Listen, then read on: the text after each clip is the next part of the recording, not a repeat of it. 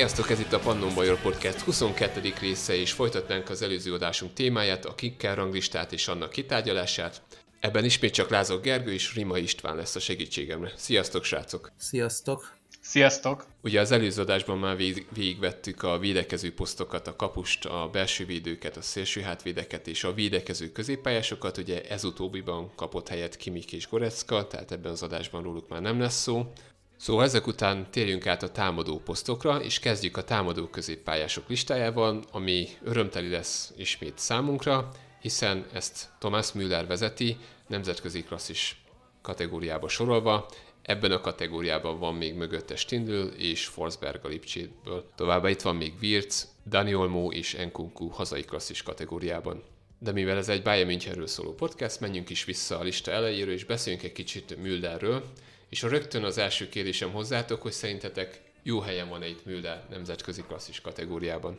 És alapvetően több, ö, hely, több szempontból lehet megfogni ezt a kérdést. Tehát ugye Müllerről ismerjük azt, hogy igazából abban zseni, hogy a területeket remekül találja meg, tehát nem éppen arról ismeretes, hogy ilyen nagyon nagy szólókat, meg egyéni megmozdulásokat visz véghez. Tehát ebből a szempontból ugye nem világklasszis nyilvánvaló, nem az abszolút világklasszis, mint mondjuk egy Messi vagy Ronaldo, ezekhez nem érhető, de hát éppen pont ez az, hogy a zsenie pont nem emberre élik, hanem pont abban, hogy a üres területeket talál meg, vagy kreál üres területet másoknak, illetve az, hogy igazából nem tudja, tehát mikor rosszul is találja el a labdát, az mindig valahogy utat talál a hálóba. Tehát szerintem ebből a szempontból hogy tényleg én igazából világklasszisnak mondanám, főleg azok után mondanám be világklasszisnak, hogy uh, ugye Kovácsnál, ugye főleg amikor Nikó Kovács volt az edző, már mindenki leírta. Ugye 30 év körül járt, már jár ugye Müller, és akkor neki ő már túl van a fénykorán, már pedzegették, hogy hát lehet, hogy már egy középcsapatnál lenne a helye, ott talán még egy jó pár jó éve lehet, már pedzegették azt hiszem Fiorentinát vele kapcsolatban. Na aztán ebből nem lett semmi, jött Flick, aztán Müller újra régi fényében, sőt talán még azon annál jobban is szerepel. Tehát én szerintem azért világklasszis besorolást hát talán megérdemelte volna, de így se rossz. Szerintem abszolút megérdemelte volna a világklasszis besorolást. Kérdés sem fér ehhez. Talán a kickernél nem nézik a Bayern meccseit, vagy, vagy nem a Bayern Münchennek szurkolnak, ez lett az egyetlen probléma, ha nem vették észre, hogy micsoda értéke ő, nem csak a Bayern Münchennek, de a német labdarúgásnak is. Ugye az ő pozíció, és ezért mondtam a elmúlt adásban, amikor ugye itt a védőknél került szóba, meg a védekező középpályásoknál, főleg kimikéknél, hogy ezeket a posztokat nem, nem szabad így ilyen szigorúan vizsgálni, mert bárhol is legyen Müllernek az ilyen alappozíciója, alapposztja, ugye nem ragad le. Az ő posztját nagyon jól megfogalmazták, ez a Raundeuter németül, ez két szóból áll össze, a tér és az értelmező szóból. Egyébként tehát ez a terület értelmezés, ez a területeknek a megtalálása az, ami az, ami az ő leges legnagyobb erőssége. Kiváló intelligenciával rendelkezik, elképesztően okos, előre két-három gondolattal ö, már előrébb, előrébb jár, mint egyébként az ellenfelek, és nagyon, nagyon sokat mozog folyamatosan a pályán, a támadó térfél különböző szegleteiben feltűnik, és ö, mindig megtalálja azt a, azt a pár kis üres területet, ahova, ahova be tud menni, vagy éppen elviszi magával a védőt, elveszi a figyelmet Lewandowskiról, vagy a második hullámban érkező Goreckáról. Szenzációs. Ugye, amit itt Gergő megemlített, hogy milyen sebessége, labdatechnikája nem olyan erős, mint mondjuk egy Cristiano Ronaldo-nak vagy egy Lionel Messinek, de azt azért látni kell, hogy ez az ő posztjánál nem is döntő jellegű. Tehát neki tényleg nem, erről, nem, nem ezek szükségesek ahhoz, hogy világklasszis legyen, és világklasszis szinten futballozzon már azt hiszem 2009 óta. Ez 12 év a legmagasabb szinten. Amikor neki hullámvölgye akadt, az szerintem inkább mentális dolgokból adódott, bizalomvesztésből, talán Kovács inkább Kutinyóval képzelt el az ő azt a, azt a fajta stílust, ahogyan ő, ő gondolkodott arról, hogy a Bayern hogyan játszon azokban az időkben, és akkor szerintem ő nem is gondolta, hogy eljöhet az az idő, hogy ő újra vezér lehet, de hát a, a, a fotballban gyorsan változnak a dolgok, és amiben még szerintem rengeteget változott Müller, ezt ő maga is kifejtette egy interjúban nem olyan rég, hogy amíg régen akár a válogatottban, akár a Bayern Münchenben azért Schweinsteigerék mögött, stb. Ö, olyan, olyan kaliberű játékosok mögött neki nem kellett vezérnek lennie. Viszont most ő a, ugye a rangidős, és igenis, amint Flick is mondta neki, neki fel kellett vállalni ezt a vezér szerepet. Tehát nem csak a támadások befejezésénél, előkészítésénél kell neki ö, jó dolgokkal előrukkolnia, hanem igenis egy igazi parancsnokként kell vezényelnie a letámadást, vezetnie. Nagyon jól lehet látni, hogyha megfigyelitek egy-egy mérkőzésen, feltartott kézzel mutatja, hogy ő az első, mint egy futszál meccset nézne az ember, és hogy oda kell, ő, ő hozzá kell helyezkedni, pozícionálni magadat, onnan kell mérni és bevédeni a passávokat, és, és egyszerűen vezeti, szinte vezeti a letámadást, a támadást. Nagyon-nagyon jól megfigyelhető, micsoda energiákat mozgósít ehhez is. Kész csoda egyébként, hogy így 30 fölött is még ilyen szinten bírja, és megmarad az energiája ahhoz, hogy mentálisan még erős marad, és, és jól gondolkodjon, jó döntéseket hozzon. Egy igazi ikon, nagyon remélem, hogy tudja még tartani pár évig ezt a szenzációs színvonalat, és, és innen vonul vissza, mert egy unikum. Nagyon-nagyon nem tudom, hogy volt-e ilyen játékosnak, csak talán a régi időkben. Igen, még annyi hozzáfűzni valóm lenne, hogy illetve kiegészíteni Isnének a gondolatmenetét, hogy ugye említette, hogy ez igazi parancsnokká vált. Nos, ez abból is leszűrhető, hogy igazából én össze párszor így megfigyeltem már, vagy így szembeötlő volt nekem legalábbis, hogy hátra is előszeretettel segít be védekezésben is. Tehát amikor égett a ház hátul, ugye nem egyszer a védelemnek köszönhetően, nem egyszer lehetett látni, jó, ez a védelmet is hát jelzi, hogy nem éppen álltak a helyzet magaslatán, hogy ő volt az egyik, aki hátra, hátra rohant, és próbálta utolérni a meginduló ellenfelet, tehát ebből a szempontból is hát egy igazi vezéré, meg példamutató, példamutató a vezéré vált, igen. Illetve az, hogy a letámadásban is milyen szerepet vállal elő.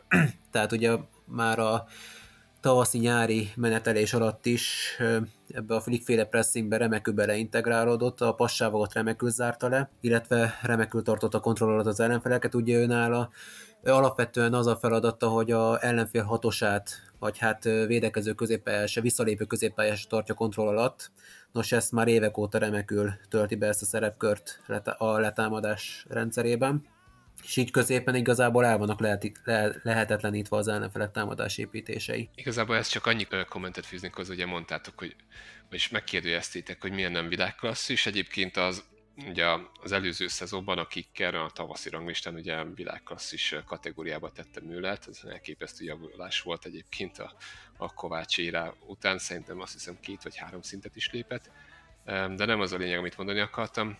Valószínűleg azért lett ezúttal úgymond csak nemzetközi klasszis, mert talán a, a csapatnak egy kicsit, ahogy kiengedett, és um, rosszabb lett egy kicsit a teljesítmény egy év végére, év elejére, szerintem ez, ez meghatározhatta itt a, az értékelőknek is a, az osztályzatát.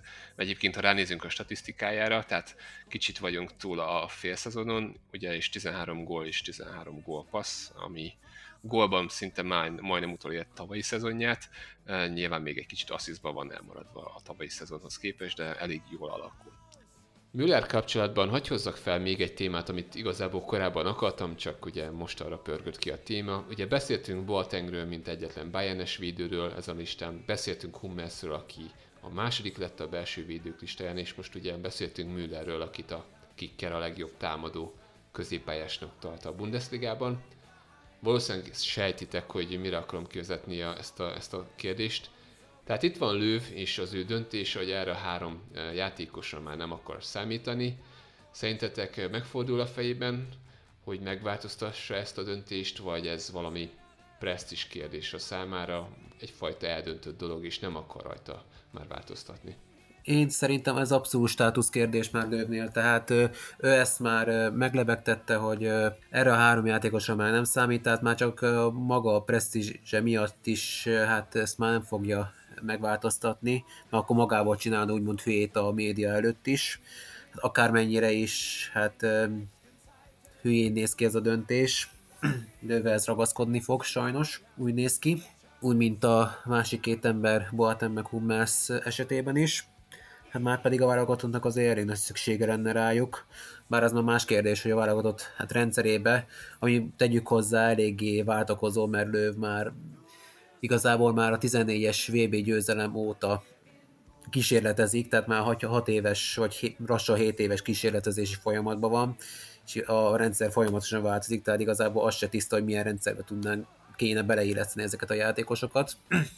De szerintem igen, összességében az a lényeg, hogy Löv szerintem már ma csak maga miatt is ezen sajnos nem fog már változtatni. Abban egyet kell értsek Gergővel, hogy szerintem is ez már egy státusz kérdés, egy kicsit az ego kérdése, ami nyilvánvalóan érthetően hatalmas lővnél, meg ragaszkodik ahhoz, amit ő kitalált. A másik részt viszont nem nagyon tudom megérteni, mert láthatóan nem sikerült kialakítani egy új hierarchiát a csapaton belül. Talán Noyert nevezhetném a hierarchia csúcsának, és alatta szorosan Kimich, de ők ketten kiemelkedő mentalitással vesznek részt a válogatottban és a válogatott mérkőzéseken, de alattuk a többiek nem, nem látom, hogy bárki is vezető szerepet vállalna magára, vagy egy-egy mérkőzésen próbálkozna azzal, hogy nem csak a játékára figyel, hanem egy kicsit a többiek játékára, és ezt nagyon jól le lehet venni a kommunikációból. Például Kai Havertzet említeném, aki remek játékos, kiváló adottságokkal, de egyszerűen a, magából a testbeszédéből lehet látni, hogy ő csak magáért játszik, nem igazán kommunikál annyira a többi játékos társával. A Chelsea-ben, a Chelsea-ben például egészen parádés figyelni, hogy mennyire nem érdekli a mérkőzés, bár most lehet, hogy ez változni fog. Szóval több olyan játékos kéne szerintem ahhoz, hogy a német válogatott ne, újra nemzetközi porondon is sikert érjen el. Beszélek itt akár csak egy elődöntőről, mint például Kimi. Szerintem Lőv egyszerűen most ott van, hogy nem teheti meg azt a luxust, hogy, hogy nem hívja vissza például Müllert vagy egyébként Hummels is. Talán Boateng itt nekem a harmadik, de ő, ő, szerintem a Hummels Boateng nagyon jól működne egyébként most a német válogatottban. Bár lehet, hogy a, a, sebességük miatt talán az egyikük mellett inkább egy gyorsabb belső védőt képzelni kell, de semmiféleképpen nem Jonathan Tá vagy Antonio Rüdiger a megoldása német válogatottban középen. Ugye említettük itt Zülét, neki azért vissza kell találni a régi formájához, hogy, hogy helye legyen ebben a, ebben a német csapatban. Nem értem, szerintem magával szúr ki, én szerintem nem, nem dőlne össze a világ, hogyha visszalépne egyet, és azt mondaná a Mülleréknek, hogy sokkal többet ér egy, egy Európa bajnoki győzelem, vagy legalább a legjobb négy közi jutás, és a Müller vezérszerepben tündökölhetne, Hummels, illetve Boateng rettenet tapasztalattal bír, és rutinnal, és egyébként ők is tudnák segíteni a, a fiatal kis csikókat, hogy brillírozhassanak. Szerintem, hogy Müller a pályán van, főleg ha azért Kimik is ott van mögötte, akkor egyszerűen nem lehet ott rosszul játszani a többieknek. Még akkor is, hogyha rosszabbra fordul a helyzet, mint például a spanyolok elleni mérkőzésen, onnan is lett volna visszaút, én úgy gondolom, hogy ha ezek a játékosok játszanak nagyon nagy a különbség, kellenek az ilyen vezető szerepű ö, emberek, akik, akik ilyen generálisként a pályán vannak, és hajtják a többieket, mert a szegény kis gyenge lelkű Gnabriék, Zané és a többi is itt most nagyon sok nevet felsorolhatnék. Egyébként mindannyian rettenetesen tehetségesek, extra klasszis játékosok, de mégsem képviselik azt, azt a fajta mentális erőt, amit egyébként a német válogatottól megszokhattunk. Nagyon remélem, hogy Löv még eszmél, és láthatom Tamás Mülleréket német válogatott mezben játszani. Még ez a vezérkérdéshez visszatérve, hogy hát itt az Isti is hát jól megelmítette, hogy Neuer meg Kimik igazából a két vezér, akik ott lehetnek a válogatottba, és pont ez az, hogy a támadó szekcióból az amúgy képességekben nem olyan rossz támadó szekcióban a válogatottnál, nincs, nincs egy vezér se, tehát Sané, meg ugye aki itt a leginkább már tegnap, hogy hát, hát vagy még nem említettük meg, jó, az meg később jön, ugye Timo Wernernek a szerepe, hát ő is egy más külön, őróla is lehetne jó sok percet beszélni, hát ő se éppen az a vezérfigura, enyhén szólva, meg hát neki is ilyen eléggé ellenmondásos a személyisége. Hát igazából tényleg egyik sem ilyen abszolút vezéralkat, és ez nagyon hiányzik onnan előről. Ugye Neuer meg Kimik igazából hátulról nem nagyon tud ott már beavatkozni, tehát előre is el kéne egy, egy igazi vezérszereplő, aki így konstansan át tudja ott venni a vezetést. Illetve visszatérve még a védőkérdéshez, ugye, ha már, ugye én amikor bejelentette Löwe ennek a nagy hármasnak a mellőzését, akkor én az akkori formájuk alapján Müllert és Boatenget valamilyen szinten meg is tudtam érteni, már mennyire is fájó szívvel is, de Hummelszet egyáltalán nem. Tehát emlékszem, én csak néztem kerek szemekkel, hogy ez most miért. Hummels akkor is és most is még szerintem abszolút ö, ö, minőségi színvonalat képvisel.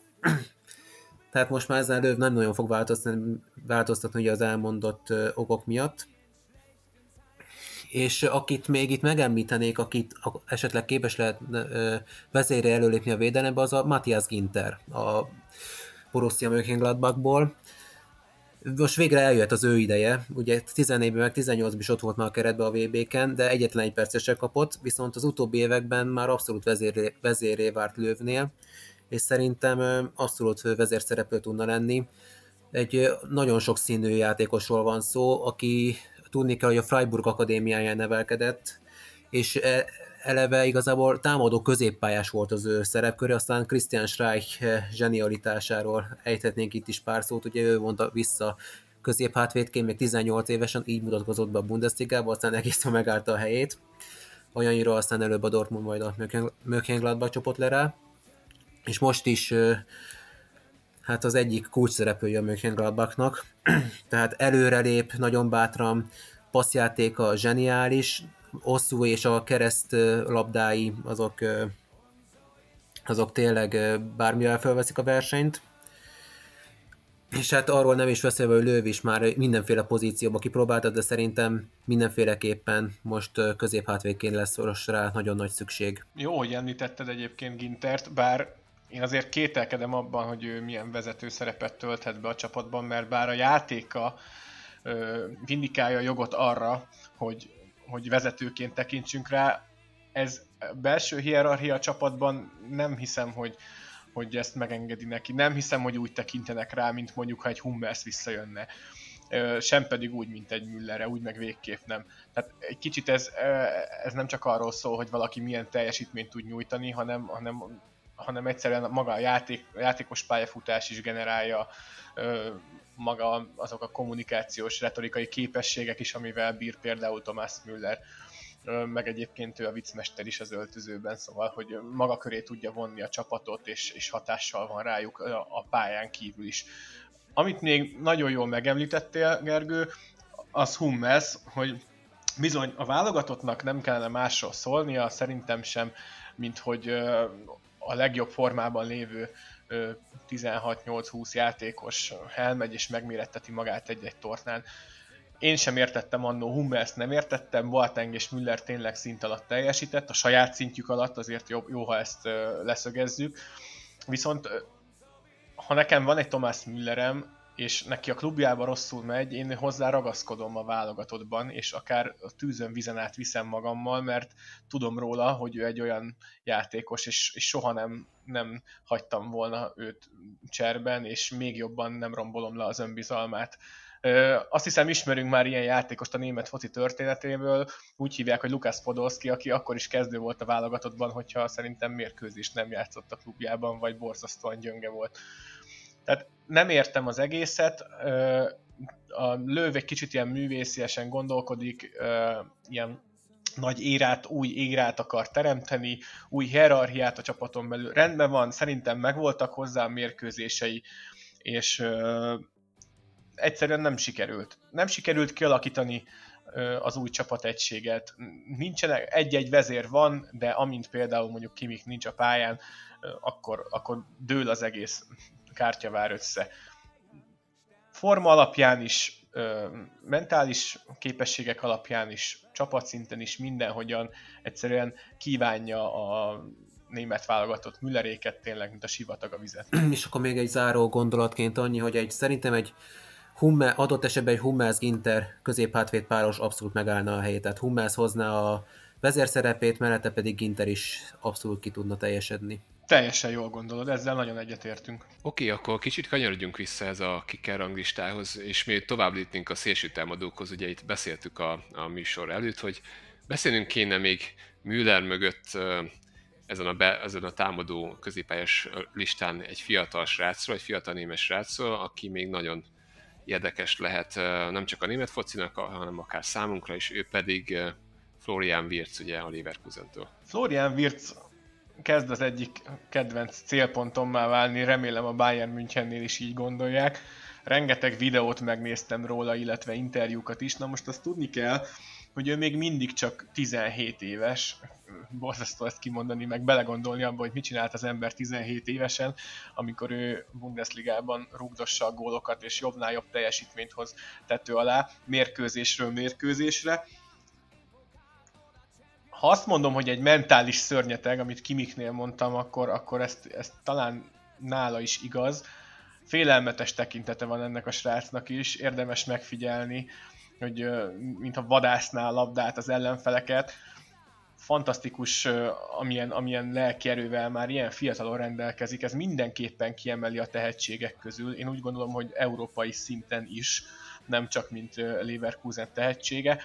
Hatalmas karrierrel előtte, minden képessége megvan hozzá, hogy a, a németek egyik legjobb játékosa legyen a jövőben.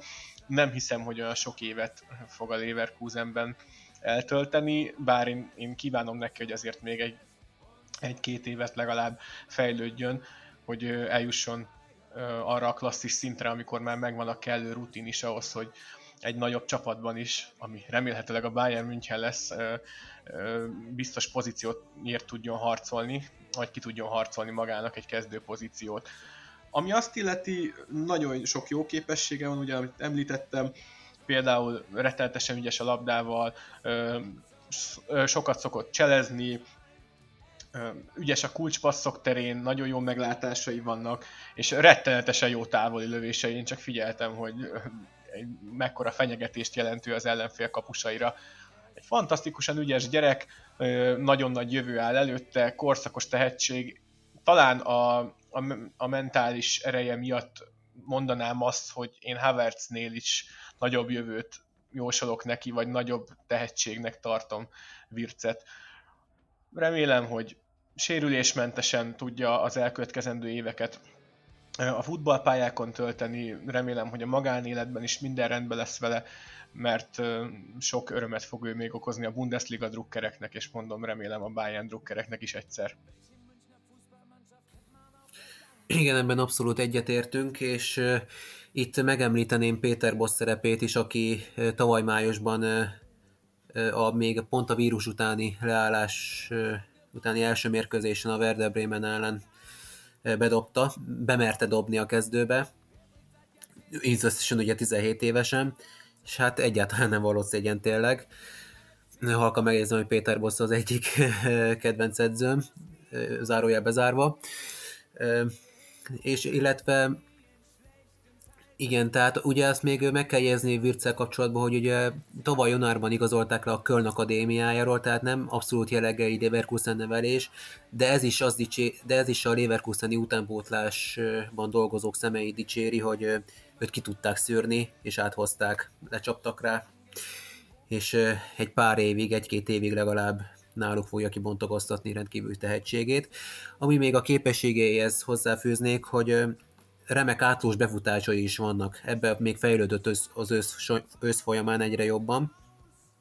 Tehát az, hogy Leverkusen és sokszor megfigyelhetők ezek a nehézkes támadásépítések, ezeken ő tud lendíteni ott a jobb oldalon, és így tudja biztosítani az összekötetést előrefelé, mondjuk Béli felé, és így a széljátékba tud lendületet belevinni.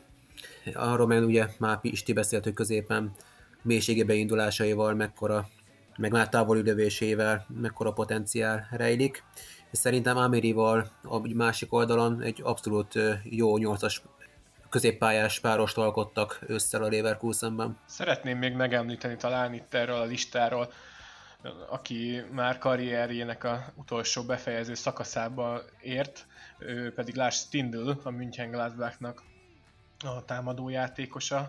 Ugye itt a támadó középpályára van jelölve, de hát mondom, ezek a posztok nem ilyen kötöttek, mint ahogy azt így az újságok leírják. Nekem ő az egyik személyes kedvencem, túl sok embert említek már meg a Gladbach-tól, remélem nem fogtok rám haragudni itt a Pannon Bajornál.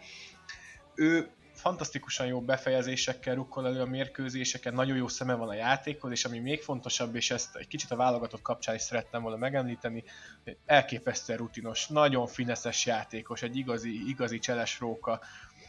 Kicsit ö, olyan nekem, mint, mint régebben Raúl volt, hogy se nem gyors, se nem kiemelkedően gyors, se nem kiemelkedően agresszív, se nem kiemelkedően erős, nem magas, nincsenek hihetetlen cselezőkészségei, de mégis, mégis mindenben, mindenben fantasztikus a maga módján, és rettenetesen intelligens játékos, és egy, egy kiemelkedő alakja a Bundesligának. Azt hiszem, hogy, hogy ha már Müllert nem akarja lőv, akkor szerintem Stindült azért az a fiatalok mellé minél többször behívhatná. Ez csak így hm, széljegyzetként említem meg. Sok sikert kívánok neki is, hogy még azért jó pár évig tudjon ilyen szinten játszani, mert egy üde színfoltja, nem csak a Gladbachnak, de az egész Bundesligának. Nos, akkor beszéltünk itt a támadó középső, középpályásokról. Menjünk tovább, és akkor kezdjük el az egyik legszexibb posztot, ugye a szélső támadók pozícióját, ahol elég érdekes neveket és eredményeket fogunk hallani, és kezdem akkor olvasni. Az első helyen, ismét nagy örömünkre, nemzetközi klasszis besorolással Kingsley Coman végzett, mögötte Jonas Hoffman a Gladbachtól, ismét egy Gladbachi, aztán Griffo a Freiburgtól, Leon Bailey a Leverkusentől, és ők ugye mind nemzetközi klasszis kategóriába kerültek besorolásra. Mindeközben pedig Sancho teljesítménye hatalmasat zuhant, mostában azért már kezd magára találni, de az egész őszi teljesítménye alapján ő visszakerült teljesen a hazai klasszis kategóriába, a hetedik helyre az egész listán. Nabri, ami játékosunk még rosszabbul járt, ugye a tavalyi kiemelkedő formája után ő most visszaesett a 11. helyre, ő is ugye hazai klasszis besorásban maradt. Azt még érdemes megemlíteni, hogy Nabri után a 12. helyen egy, egy magyar nevet láthatunk, ő pedig Salai Roland. Kezdjük akkor ismét a, a lista tetejéről a kitárgyalást. Kingsley Coman, szerintem örvendetes hír, és jó látni, hogy miközben a csapat teljesítmény azért visszaesett, azért szépen felpörgött és fejlődött, és hozza azt a teljesítmény, hozza a gólokat és az előkészítéseket, amit, amit korábban is váltunk tőle, és igazából most éred be igazán ez a srác, és reméljük tudja tartani ezt a szintet, és még a fejlődési ütemét is. A kérdésem az lenne felétek, számomra megérdemelt az első helyek, kicsit talán meglepő, de ismét ugye hangsúlyoznunk kell, hogy ez az őszi ranglista, ez csak a fél szezonnak a teljesítmény nézi, tehát és ugye Comaniti egész tényleg kiemelkedő nyújtott. Nyilván talán az is hozzájárulhat az ő első helyéhez, hogy a, a nagy szélső ászok, például Sancho teljesítménye, és akár Gnabry ugye a közvetlen csapatás rivális teljesítmény is hatalmasan zuhant, miközben ő azért elég jó hozta a gólokat és a gólpasszokat. Szerintetek megérdemelt itt a helye? Igen, először is ebbe egyetértek, igen, hogy a többi kollégájának úgymond a gyengelkedése, tehát a Gnabryk gyengelkedése alapvetően az ő teljesítményét is felnagyította, hogy milyen konstansan tudott hozzájuk képes teljesíteni, illetve nagyon jó látni, hogy ő végre elkezdte mutatni azt a potenciát, ami benne rejlik. Szerintem az a augusztusban a BL döntőn a PSG ellen lőtt fejelt gólja, a ő lelkének, meg hát az egész csapatnak rengeteget jelentett. Hát azóta érezhető nála ez, hogy igazából egész konstansan teljesít, ami eddig ugye pont hiányzott belőle ez a konstansan jó teljesítmény, mert alapvetően a potenciát ezt meg tudta mutatni egy-egy periódusban, de eléggé hullámzó volt, és ugyan a góllövésben most sem annyira jeleskedik, de egyébként meg a csapatjátékban abszolút komoly jelentősége van és szerencséje van a Bayernnek, hogy éppen most talált formába, amikor így a többiek elég komoly hullámvölgyeken, hullámvölgyekben vannak benne. Ranglistában elfoglalt helyezése, hát igazából ezeket figyelembe véve az első helyen első helyét én szívem szerint én se venném el. Hát talán lehet, hogy Hoffman egy kicsit elé sorolnám én személy szerint, de, de ez is egy másik kérdés, de illetve hát elég szubjektív megítélés kérdése, de szerintem jó helyen van ott a lista eleje felé mindenképp. Ezzel a Hoffmannal kicsit vitatkoznom kell, mert nekem ő egyáltalán nem volt olyan meggyőző minden mérkőzésen. Talán azért érezhetjük, hogy az első helyet közelíti, mert az igazán nagy mérkőzéseken villogott. Viszont azt hozzá kell tenni, hogy olyan meccseken, például Hoffman, mint a Stuttgart, Brema, vagy az Union Berlin ellen, ahol azért nem volt neki területe, akkor teljesen eltűnt a mezőnyben, és borzalmas statisztikai adatokat produkált, mm, észrevehetetlen volt. Az ő játék stílusának ez egyáltalán nem fekszik, ugye amellett, hogy beadásai és a rögzített helyzetek felismerései nagyon-nagyon jól működnek nála, azért szeret hosszú labdákkal operálni, befutni az üres területeket, labdával rettenetesen gyors, de ez mind akkor valósulhat meg, hogyha azért előtte terület nyílik. Most olyan csapatok ellen, mint a Dortmund és a Bayern München nagyon tudott villogni, elképesztően jó teljesítményt tett le az asztalra, halkan jegyzem meg, hogy sajnos, de tényleg élmény volt nézni a semleges nézőknek, hogy milyen teljesítményre képes. Viszont ha ugyanezt az embert megnézte valaki egy, nem tudom, két héttel később az Unión Berlin ellen, akkor fel se ismerte, hogy az a két játékos ugyanaz. Ezzel ellentétben hagyd védje meg egy kicsit Command, ha már Pannon Bajor podcastet csináljuk. Ő, konstansan, ahogy a Gergő is említette, folyamatosan fantasztikusan jó teljesítményt nyújtott.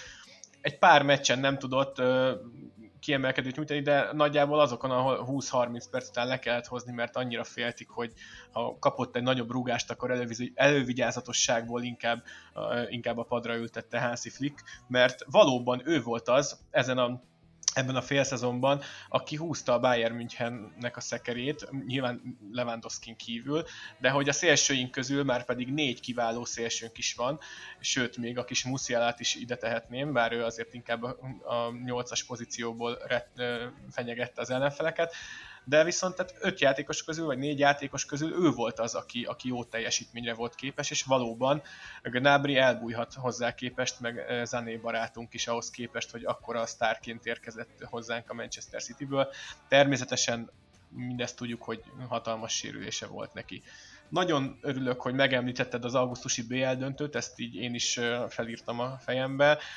Biztos, hogy nála hihetetlen gátakat szakított át az a gól és szerintem valahogy most elhiszi, hogy igen, ő az egyik legjobb játékosa a Bayern Münchennek. Volt is egy ilyen interjú vele az ősz folyamán, hogy igen, most már tudom, hogy én tényleg az egyik legértékesebb vagyok.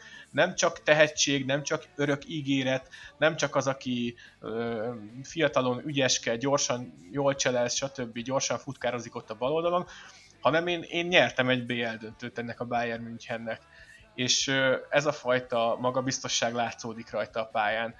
Szeretem azt a stílust, ahogyan ő játszik, rövid passzos, sok csellel próbálkozik, szép kombinációkat igyekszik végrehajtani. Mondjuk az is biztos, hogy rengetegszer faltolják szegényt, de abszolút meg vagyok vele elégedve, csak így tovább Kingsley. Még így széljegyzetként a komandhoz hozzáfűzve, én meg, én meg azt remélem nagyon, hogy a sérülések is hát minél kevésbé kísértik most már, mert ez volt az egyik fő kerékkötője annak, hogy igazi zászlóvívővé tudjon válni a csapatban eddig, amellett, hogy igazából nyilván a mentalitásával is volt néha probléma, a korából adódóan is nyilván, de a legfőbb probléma itt a sérülékenysége volt, úgyhogy remélem jövőbe ez annyira talán nem fog nála problémát okozni. Hoffmanhoz visszatérve meg igazából én azért mondtam talán, hogy versenybe lehetne itt az első helyért, mert igazából ő így kicsit talán alul van értékelve, abból a szempontból, hogy ugye nyilván nincs akkora hírértéke meg neve, mint a ő körülötte szereplő játékosoknak. Hogyha én főleg emiatt soroltam volna, sorol becsülöm őt igazából, de igazából én sem vitatkozok nagyon azzal, hogy Koman az első helyen van, mint mondtam. De talán a ketten versenybe lettek volna, de nyilván Istennek igaza van, igen, hogy a, főleg a top meccseken tudott maradandót nyújtani, ez abból is azzal is összefügghet nyilván igen, hogy igazából kontrajátékos, meg igazából nála is lehet vitatkozni, hogy neki mi az igazi posztja. Nyilván leggyakrabban ő a baloldali szélső posztján szerepel, de szokott néha Rózénél volt bevetve középső középpályásként is, védekező középpályásként is, vagy legalábbis ott a dupla hatos egyik tagjaként volt olyan is. Egy elég sok színű játékosról beszélünk, hogy nála is egy kicsit itt lehet vitatkozni, hogy igazából melyik poszt az övé. Beszélnünk kell még Nabrilor, aki ugye most 11. helyen végzett ezen a listán, miközben tudjuk, hogy tavaly elképesztően fontos játékos volt, elképesztően sok gólt lőtt. Ez idén teljesen megváltozott, ugye a szezon elején lőtt egy hármast, aztán teljes gólcsend, és nemrégiben sikerült újra betalálnia, de érezzük, hogy ez mennyire kevés, és az esetében ez azért lehet probléma, mert Komanna ellentétben szerintem az ő játékát sokkal inkább mérjük gólokban. Nem tudom, ti ezt hogy látjátok? Igaz, egy, egyrészt nekem is ezek a gólok hiányoznak az ő játékából, és hogyha még egy hármat, négyet berámolt volna, akkor szerintem egy ilyen közepesen jó őszről beszélgetnénk, nem pedig arról, hogy mi történt vele. De valószínűleg ő az egyik, akin a legjobban látszik, hogy rettentesen elfáradt mentálisan. Talán a tekintetéből levehető, hogy nagyon-nagyon próbálkozik, nagyon akar. Egyébként ezt még a Benji Pavárnál is észrevettem, hogy nem azzal van a probléma itt, hogy nem adna bele száz százalékot. Ezt egyébként Flick is többször kihangsúlyozta így a csapat szintjén figyelve, hanem egyszerűen nem, nem engedelmeskedik úgy, úgy a láb, nincs meg a fejláb koordináció, mert mert egyszerűen azok a, azok a fél pillanatok hiányoznak, azok a kis félmozdulatok, de mindig valami, hogy, hogy abból a, az az utolsó csel összejöjjön, jó felel csinálja meg a lövőcselt. Például múltkor egy hatalmas kapufát lőtt, már mondtam magamban, hogy szegény csórikám, mi az Isten történt veled, hát még ez sem megy be. Aztán most végre lőtt megint egy gólt, remélem, hogy ezzel visszaáll egy kicsit a, a, a tőlünk megszokott útjára. De alapvetően Gnabryra azért jellemző volt a karriere során ez a hullámzás, régebben is. Megfigyeltem, hogy amikor nagyon elkapja a fonalat, akkor szinte megállíthatatlan. Hál' Istennek a tavalyi évben, szinte egész évben ezt a formáját hozta, viszont hogyha több meccsen nem sikerül neki azt a teljesítményt hozni, szerintem önmagának a legnagyobb kritikusa, és ez is visszaveti őt egy kicsit, és ő saját magának rontja el úgymond a kedvét, örömét a, a focihoz. Én ezt veszem le az arcából, minimális tapasztalatom van ahhoz képest, de azért ezt figyeltem meg a saját játékosaimon is. Én ezt látom benne, remélem, hogy megjön újra az öröme, remélem, hogy lesznek meccsek, amikor tud pihenni, azért most van, van pótlás bőven, nem kell úgymond tökig játszatni a Flicknek őt, és egy pár jó mérkőzéssel visszakerül a, a megszokott jó formájába, és jönnek majd a gólok, gólpasszok. A, a beadások sosem mentek neki annyira, Koman barátjával összeköthetik egymást, bár azért Koman már fejlődik egy kicsit benne. Nem írnám le, én most ezt egy, egy hullámnak a kicsit az alján voltunk, és most remélem, hogy már felállt a szördeszkára, és megy fel a hullám tetejére újra. Ebben egyetérthetünk szerintem, hogy abszolút csak egy hullám völgyről beszélhetünk. Tehát igazából össze az nem volt különösebb gond, igen, hogy a csapatjáték szempontjából, hogy igazából a szerkezetből egy nagyon komoly szerepet tölt be, tehát látható néha, hogy akár a középpálya közepére is visszahúzódik támadásépítéseknél, a védőktől elkéri a labdát, ebből a szempontból egy egy elképesztő hasznos játékosról beszélünk, ebből a szempontból nem is volt különösebb probléma. Igazából befejezéseknél tűnt ez föl, mint amit Isti is mondott, hogy igazából a lába, a fáradtság miatt nem nagyon engedelmeskedik annak, amit a esze diktál. Hát én is remélem, hogy igazából azt, hogy ugye most hétvégén végre á, megtört a átok és a sárk ellen betalált végre, hogy reméljük ez megint elindítja őt felfelé, felfelé illetve Átvezetnék itt még egy másik vitás pontjára a táblázatnak, aki Jaden Sancho. Tehát igazából én azt sem nagyon értem, hogy egyáltalán ezután az ezután mit keresi ő még itt ezen a top listán. Tehát össze se gólja, se gólpassza nem volt. De igazából például azt nem értem, hogy egy Musa Diaby hogy, hogy csak mögötte van egy ilyen ősz után persze most az utóbbi fordulóban elkezdett magára találni, meg abszolút mutatja azt, hogy azért alapesetben neki helye van itt. De így nagy része összbe, összel, hát különböző okok miatt eléggé maga alatt teljesített. Nyilván ebben benne vannak a nyári transferplegykák a Manchester United, ami nyilván az eszébe is bevészkelődhetett, meg nyilván a fiataloknál törvényszerű, szinte törvényszerű egy ilyen kisebb hullámvölgy, amikor így talán egy kicsit elszáll vele a és akkor vissza kell téríteni, ez talán így kijelenthető, hogy minden fiatal elő szokott fordulni. Aztán meglátjuk, hogy lesz a jövőben, illetve hogy itt Hakimi távozását meg lehetne itt említeni, akivel így remekül együttműködött, aztán ugye jött helyette Műni, akinek többször be kell segíteni védekezésben, meg a szélen, így talán ez elég sok energiáját, energiáját velemészette, de talán mint az utolsó új fordulóban, mint mondtam, megint újra elkezdett volna formában rendülni. Nagyon jó, hogy megemlítetted sancho Én egyáltalán nem vagyok vele megelégedve. Szerintem jobbat tett volna magával is, meg egyébként a Dortmunddal is, hogyha hm, a nyáron eligazolt, csak hát a koronavírus miatt senki nem volt, aki 100 millió körül a zsebében nyúlt volna és kifizetett volna érte ilyen magas összeget, meg hát azért látták a, a nagy klubok, hogy mi lett például az öreg Dembelével a Barcelonában, aki szintén azt hiszi magáról, mint Sancho, hogy éppen fifázik, és ő maga próbál meg úgy játszani, meg olyan cseleket bevetni. Szerintem nagyon sokszor rettenetesen haszontalan a csapat részére, mint ezen az őszön is kiderült, illetve az ő testbeszédéből is az derül ki, hogy hát nem az, hogy semmi kedve nincsen itt focizni, de hogy már nagyon menne valahova.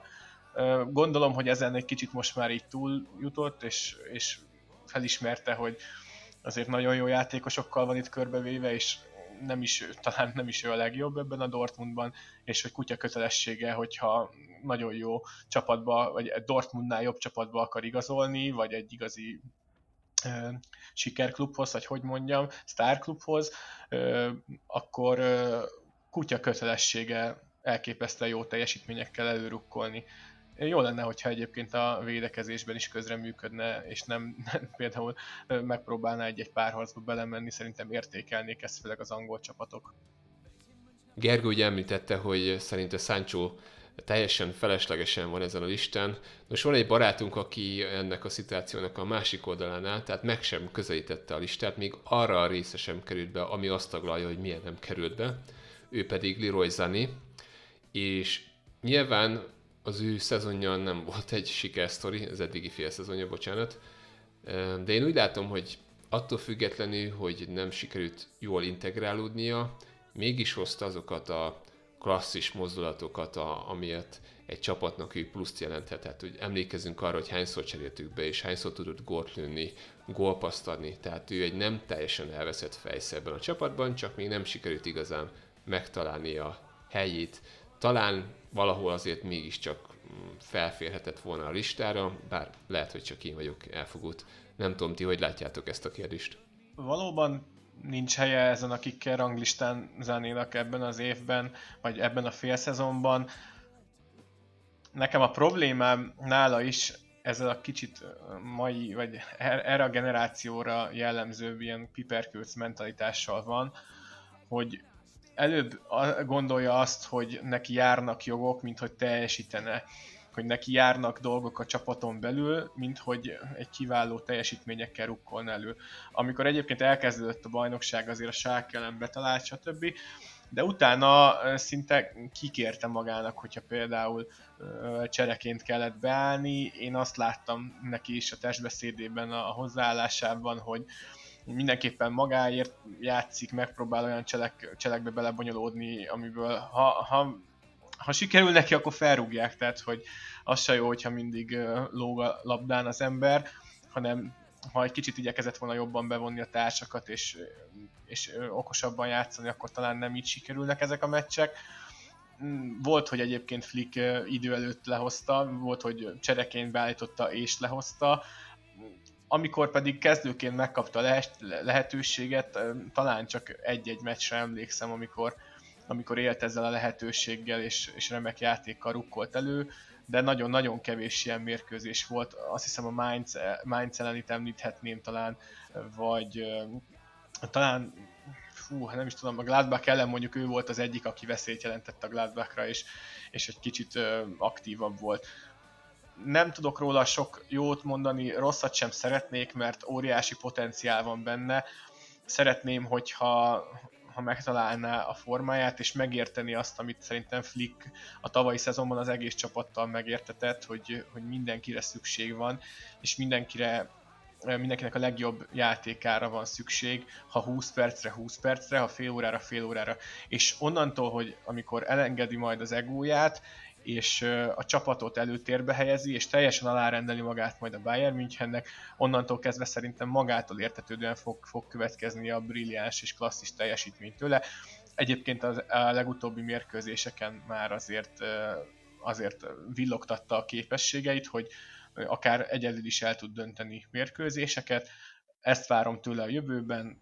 Rette, hihetetlen sebesség, fantasztikusan ragad a labda hozzá, elképesztő játéktechnika, labdatechnika párosul mindenhez, félelmetes, ahogyan a kis játékokban is, tehát rövid passzos játékot játsza a többiekkel.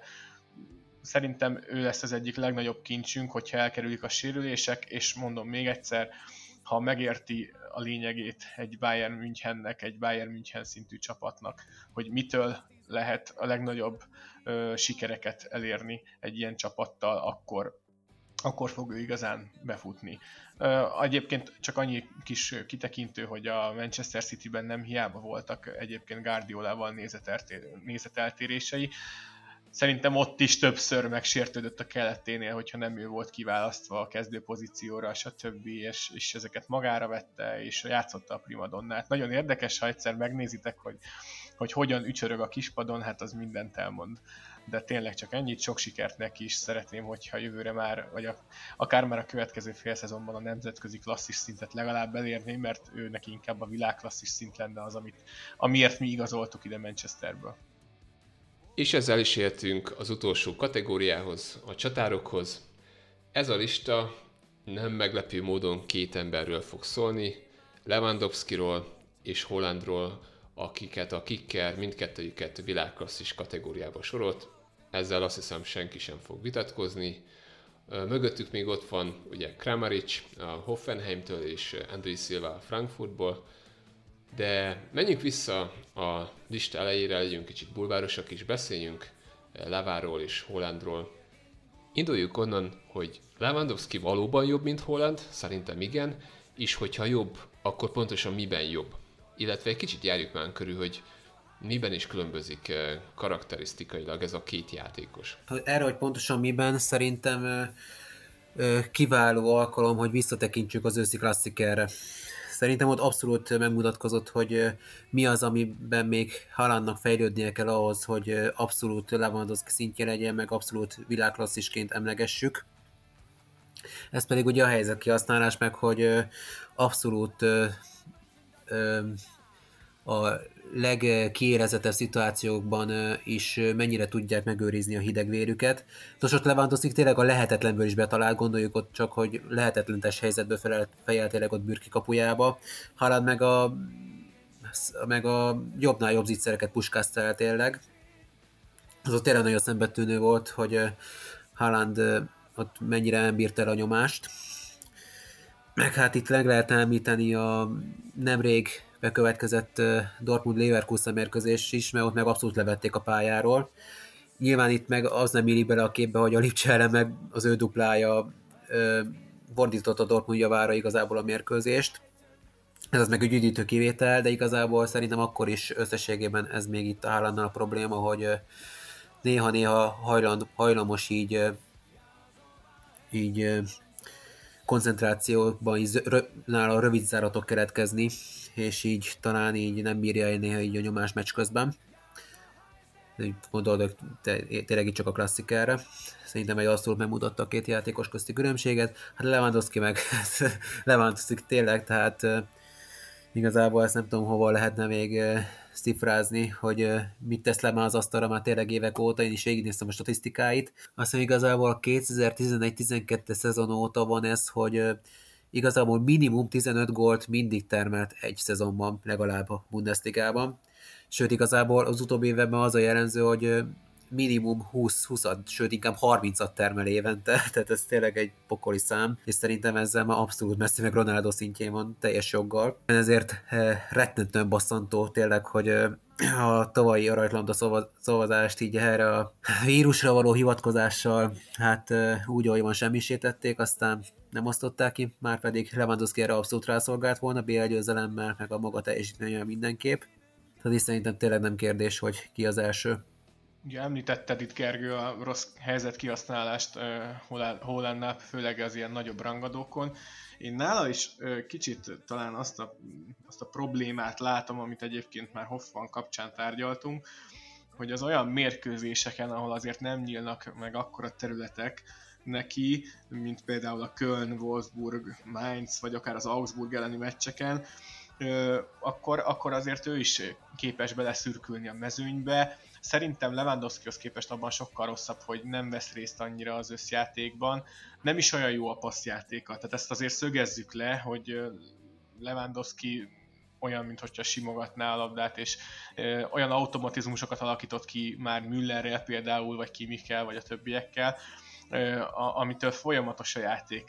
Én azt látom, hogy azért Holland sokszor rátekeredik, maga próbálja megcsinálni a helyzetet, ami nem, sokszor nem probléma, és nagyon sokszor két védő ellen is megoldja simán, de nem, nem egy kicsit tördeli a játékot. Szerintem ebben Lewandowski sokkal jobb.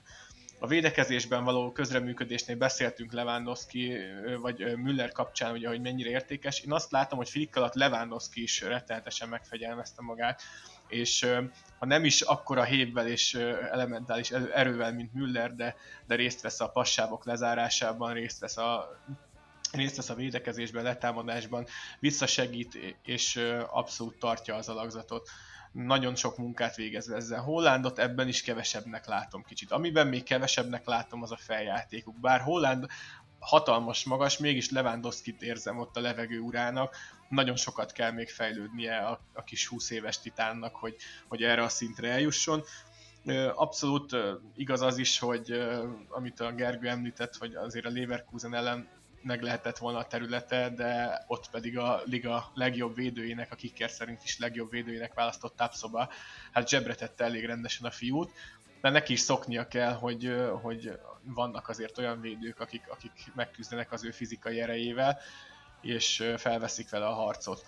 Ami Lewandowski-t illeti, az sok mindent elmond, hogy a legrosszabb meccse szerintem talán a Gladbach elleni volt itt az ősszel, amikor azért rugott egy gólt. Tehát ez mindent elmond arról, hogy mekkora hihetetlen játékerőt képviselő, és micsoda értékelő csapatunknak.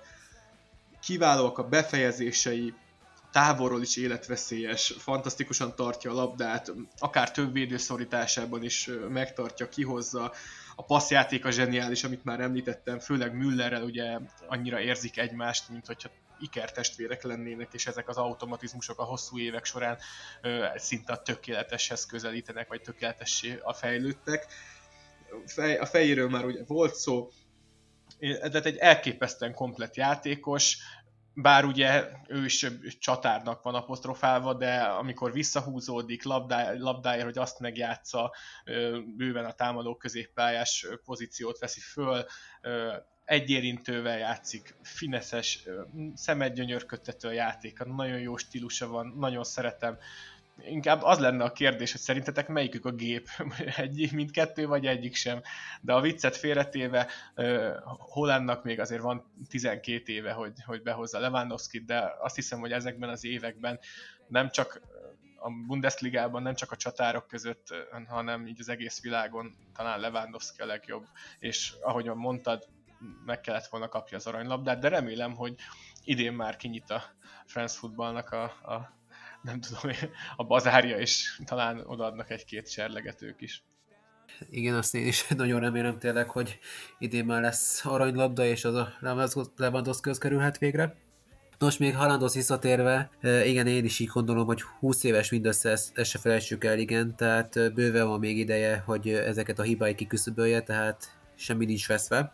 Illetve az ő erényéről is még említ, ejtenék pár szót hát főleg az induló sebesség, ami félelmetes, meg főleg így a maguk mögött területet hagyó ö, csapatok ellen félelmetes az, hogy milyen gyorsan tud átváltani, és mennyire nehéz tényleg megállít, megállítani a befejezéséről, meg nem is beszélve az a lövőerő, ami benne van, az tényleg szinte védhetetlen, bár Gulácsinak sikerült egyszer megfognia a megfoghatatlan, tehát itt is tényleg megint megemlíthetjük, itt is megint lehet dicsérni Gulácsit is de ez néha talán így már képes így a visszájára is fordulni ez a brutális lövőerő meg lövőtechnika.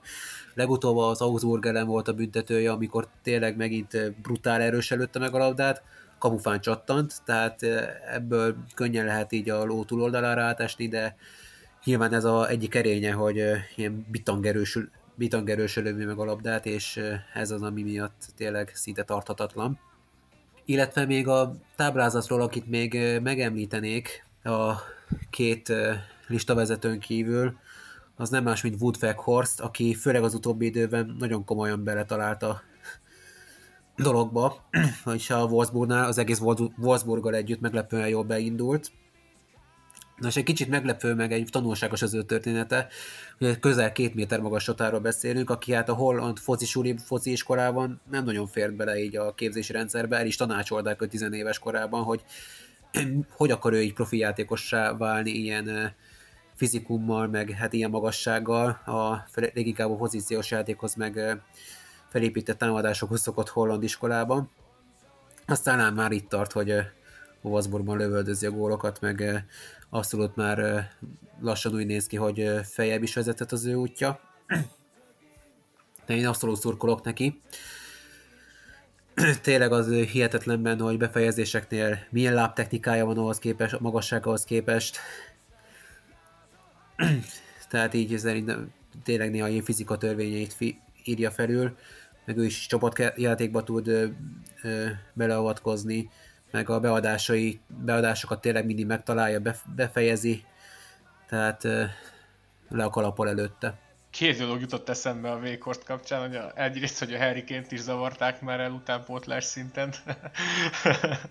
Nem csak Magyarországon vannak ilyen jó meglátású szakemberek, ugye erről beszélgettünk már így a, így a színfalak mögött is másrészt a, nekem egy kicsit a Peter Crouch jutott eszembe, akit egyszer megkérdezték, hogy mi lett volna, ha nem futbalista lenne, és mondta, hogy szűzna. Körülbelül egyébként a Vékorszül is ez jut eszembe, hogy nem, nem gondolná az ember, hogy micsoda képességek rejlenek ebben a fiúban, de hétről hétre bizonyítja, hogy helye van a, a legmagasabb szinten is. Nagyon sok sikert kívánok neki.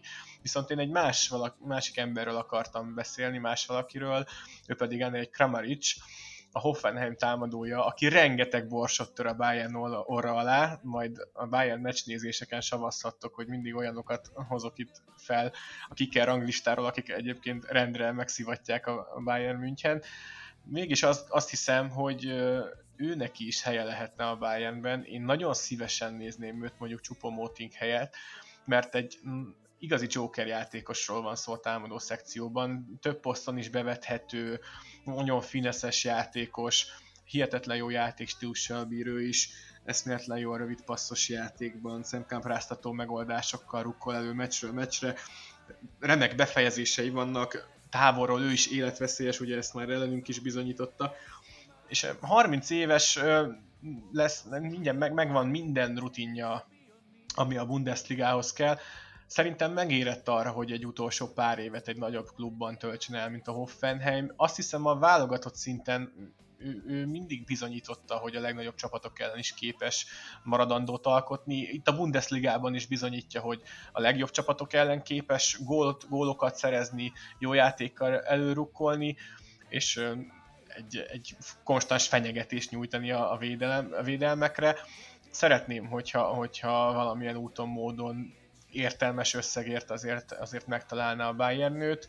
Nem csak én mondom, ezt a Bayern kötelékéből is régebbi játékosok is mondják, egy kicsit olyan nekem, mint, mint annak idején Olic, aki, akit, akit így uh, néztük, hogy hát hogy, hogy a Bayern ezt hoznak, aztán pedig a BL döntőig vezette az akkori Bayern 2010-ben, és például a Lyon ellen Mester 3-ast rugott a BL elődöntőben hasonló jókat kívánnék Kramaricsnak. Szerintem itt az idő neki is, hogy most így nyáron lesz 30 éves, hogy, hogy, hogy még egy utolsó nagy dobást véghez vigyen, és, és a szeretett csapatomhoz igazoljon. Nagyon szívesen nézném őt, és, és biztos, hogy a rengeteg mérkőzés miatt helye lenne, és megtalálná a szerepét. Sok sikert neki is, csak könyörgöm ne ellenünk.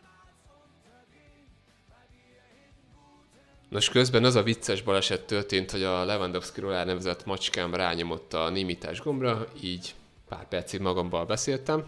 Na most, hogy megoldódott a kis technikai gubanc, így megismétlem a záró mondataimat. Remélem tetszett ez a kis ranglista elemzés. Tudom, hogy ez alapvetően egy szubjektív értékelés, amit a Kicker kiadott. Nyilván azért szakmai szemmel próbálták összeállítani a dolgokat. Szerintem érdekes volt átbeszélni, hogy hogy látták a, a Bayernesek teljesítményét, és érdekes volt beszélni néhány olyan játékosról, akik még nem Bayern játékosok. Hamarosan érkezünk további podcastekkel, legalább ilyen izgalmas témákkal, vagy még izgalmasabbakkal. Gergőnek külön köszönöm, hogy elfogadta a meghívást, és remélem, hogy visszatérő vendég lesz köztünk. Istinek ismét köszönöm a remek közreműködést. Nektek pedig, hallgatóknak azt üzenem, hogy kövessétek az oldalunkat, lájkoljátok, szóljatok hozzá, és erre mi is tudunk majd reflektálni. Sziasztok! Köszönöm szépen, hogy itt lehettem, tényleg érdekes volt ezt így végigvezetni, köszönöm. Én is köszönöm Gergőnek, hogy, hogy itt volt velünk. Sanyi, köszönöm szépen munkádat, mint mindig. Titeket pedig arra buzdítanálak, hogy kommenteljetek, írjatok nyugodtan, bármi véleményetek van a podcastről, bármi kívánságotok van, akár, akár hogy milyen témákat ö, vegyünk fel, milyen témákról beszélgessünk. Köszi, hogy hallgattok bennünket, sziasztok!